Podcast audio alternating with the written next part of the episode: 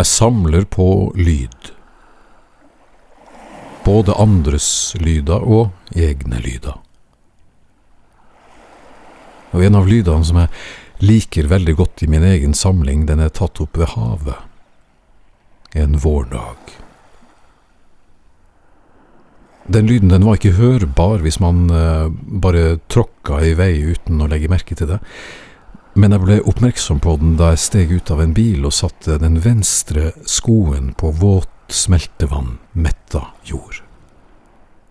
Det var rett og slett en bitte liten boble under den ene skoen. Og hver gang som jeg hvilte kroppstyngden på den venstre skoen, så kom den lyden. Den var knapt hørbar, men den var der. Lyden du nå skal få høre, det er luft som blir pressa ut og opp av mose og røtter. Og boblene er ikke mer enn en drøy kvadratcentimeter i diameter. Men jeg bare måtte ha den lyden. Jeg måtte fange den.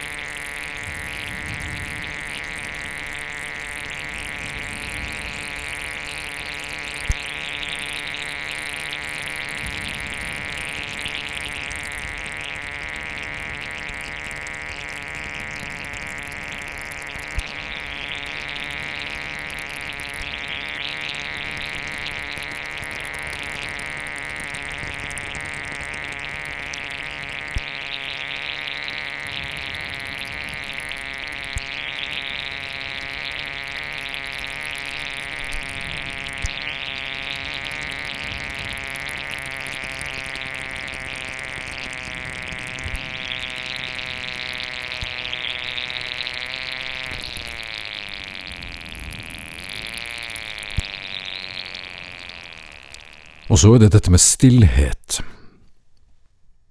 Stillhet kommer i mange varianter.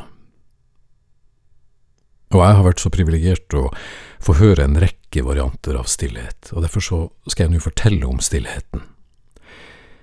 Det finnes enkelte teorier om at den absolutte stillhet ikke finnes, og jeg er blant dem som ikke tror på absolutt stillhet, til tross for at man sitter i lydisolerte rom. Jeg har mye erfaring med akkurat det. I et lydtett studio så er det tvert imot slik at alle lyder som du hører, de blir forsterka, og enkelte lyder, dem tar du også med deg inn. Pusten, for eksempel. Kan det være en svak, høyfrekvent tone som bare du hører et eller annet sted? Kan det være en begynnende tinnitus? Og så er det ledd som knirker ved sjøl en minste bevegelse. Lyder som man ikke blir kvitt, det er forresten noe både mennesker som er dypt angrepet av tinnitus, og de som har blitt utsatt for lydtortur, forteller om. Noen av dem forteller at de har lært seg å skape stillhet. Lært seg å koble ut og lage en stillhet som ikke finnes. En gang i tida så gikk vi i eh, radio i studio med såkalt knirkefritt papir. Det her var gult papir i A5-format, der teksten var skrevet på maskin langs langendene av papiret, og det her var designa for en knirkefri opplesning av nyheter. Ideen er jo aldeles forrykt, og jeg vet ikke om det funka noe særlig heller. Og teksten som var hamra inn i papiret, var i hvert fall ikke lydløs. Vi hadde elektriske skrivemaskiner som knatra noe infernalsk.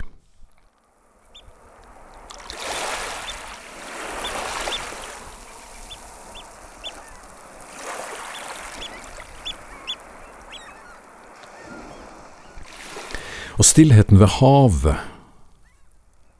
som, som du hører nå, det er jo et eksempel på en annen type stillhet som illustrerer at det ikke finnes klinisk stillhet.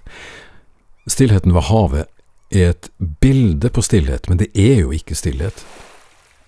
Og så blir det sagt at om natta så er det stille på landet, og så er det bråk i byen. Og i beste fall så er det en misforståelse, og i verste fall så er det distriktspolitisk propaganda av verste sort. Jeg sto en gang og hørte på stillheten i en by som jeg kjenner veldig godt. En by som heter Vadsø, som ligger i Øst-Finnmark, ved en svær fjord som heter Varangerfjorden. Og stillheten denne natta, den var helt fascinerende.